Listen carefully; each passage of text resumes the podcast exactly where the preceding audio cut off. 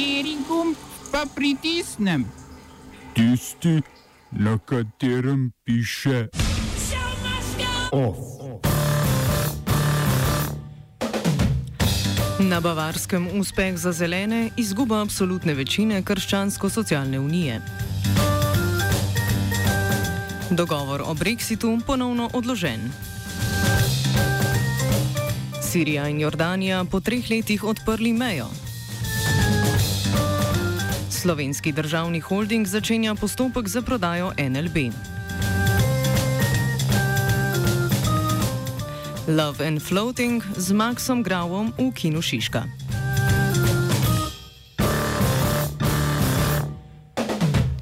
Deželne volitve na Bavarskem so precej spremenile razmerja moči v tamkajšnjem parlamentu.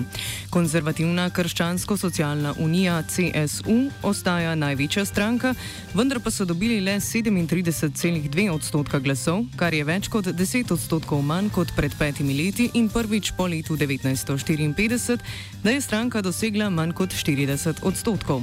Na drugo mesto so se s 17,5 odstotki uvrstili zeleni, ki so skoraj da podvojili rezultati izpred štirih let in prevzeli prvo mesto med strankami levega pola od socialdemokratov.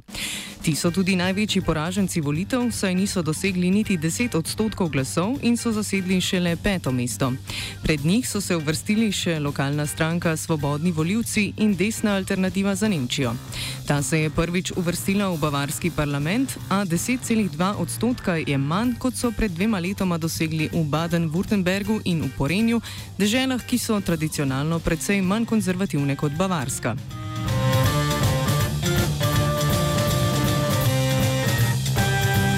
Volitve na Bavarskem so potrdile trend upadanja moči tradicionalno vodilnih strank konzervativne unije CDU in CSU, kanclerke Angele Merkel in socialdemokratov. O tem, kaj bavarske volitve pomenijo za vladajočo veliko koalicijo omenjenih strank v Berlinu, komentira poročevalka televizije Slovenija v Nemčiji Pol Poluna Fjauš.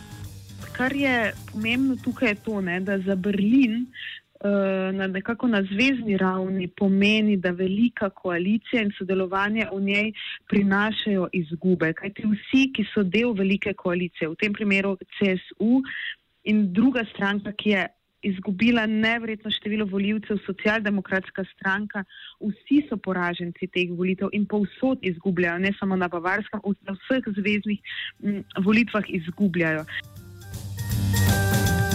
Več o mogočih koalicijah v offsajdu ob 17.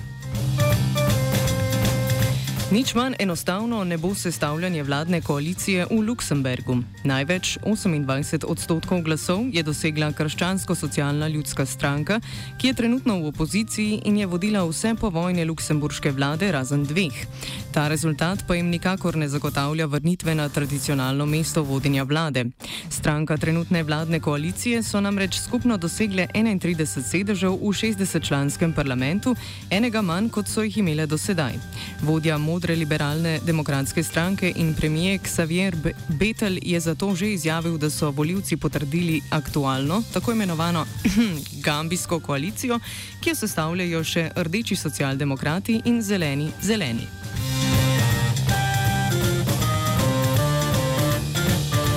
Pregled evropskih volitev zaključujemo v Belgiji, kjer so potekale lokalne volitve. V slavno številnih in kompleksnih parlamentih so največ pridobili zeleni, največ v Bruslju. Socialdemokrati bodo še naprej vodilni v bruselski regiji, a so izgubili veliko glasov, ne zgolj proti zelenim, ampak tudi proti levičarski delovski stranki. Zeleni so bili uspešni tudi v Flandriji, kjer pa bo vodilno vlogo še naprej imelo separatistično novo flamsko zavezništvo. V frankofonski valon Kataloniji je socialdemokratska stranka ohranila primat.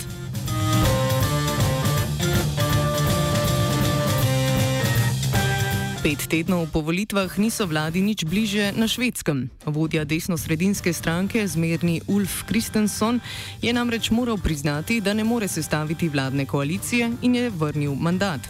Predsednik parlamenta mora sedaj izbrati novega kandidata za premijeja. Prva izbira za to bi lahko bil dosedani premije in vodja socialdemokratov Stefan Löwen.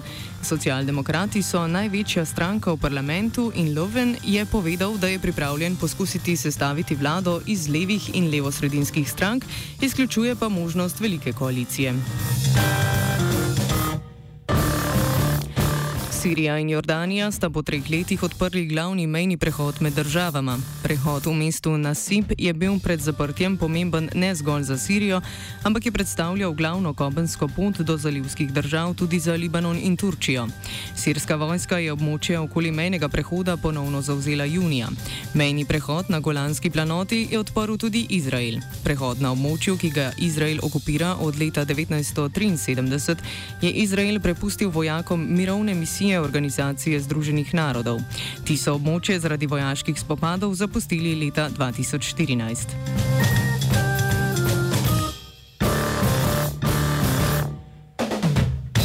Pogajanja med Evropsko unijo in Združenim kraljestvom se ponovno zapletajo. Britanski minister za Brexit Dominik Raab je namreč v nedeljo nenapovedano odpotoval v Bruselj na sestanek z glavnim evropskim pogajalcem Michelom Barnierom, kjer je povedal, da je evropski predlog o rešitvi vprašanja meje med Severno Irsko in Republiko Irsko nespremenljiv. S tem je pod vprašaj postavljena tudi uspešnost vrha Evropske unije v drugi polovici tega tedna, za katerega je bilo predvideno, da bo razrešil rešil glavna vprašanja o britanskem izstopu iz Unije. Po predlogu Bruslja bi Severna Irska ohranila odprto mejo z Republiko Irsko in bi tako ostala v carinski uniji, medtem ko bi se ostali del Združenega kraljestva umaknil. Britanska premijejka Theresa May, ki se za parlamentarno večino zanaša na glasove severnoirskih unionistov, je Barnjeju sporočila, da v njeni vladi ni podpore za takšen dogovor. Britanska stran sedaj želi podaljšanje rokov za zaključitev pogajanj. V soboto je bil sicer dosežen dogovor, da se tranzicijsko obdobje, potem ko bo Združeno kraljestvo politično zapustilo EU, a ostalo v skupnem trgu in carinski uniji, podaljša z 18 na 21 mesecev. Uh, oba, če, če bom odgovoril na angliški. Uh, uh, Slovenija bo poskušala pomagati. Slovenija bo naredila naš utmost, da bo rekla, da je situacija naš problem, naš in da bomo naredili nadaljnje korake, as soon as the conditions are zelo, zelo resni. News from Slovenija. Vemo, kako in bomo. Slovenski državni holding in Nova Ljubljanska banka sta danes objavila namero za prvo javno ponudbo delnic. To bo namreč način prodaje banke, kjer ima trenutno država 100-odstotni lastniški delež. Država se je v Bruslju zavezala, da bo do konca letošnjega leta svoj delež zmanjšala na 50 odstotkov, do sredine prihodnjega leta pa na 25 odstotkov. Ponudba delnic zato znaša najmanj 50 odstotkov plus ena delnica in največ 75 odstotkov minus ena delnica meseca. Prodaja bo potekala na Ljubljanski in Londonski borzi in se bo začela v prvem tednu novembra. Prvih 10 odstotkov delnic bo namenjenih malim investitorjem, preostanek pa bo namenjen investicijskim investitorjem, torej finančnim skladom in drugim bankam. NLB sicer v zadnjem času posluje precej uspešno, saj v zadnjih štirih letih in pol beleži dobiček, delež slabih posojil pa se je znižal skoraj 20 na dobrih 8 odstotkov. Pred prodajo bo NLB državi izplačala še 270 milijonov evrov dividend. OF je pripravil Gal.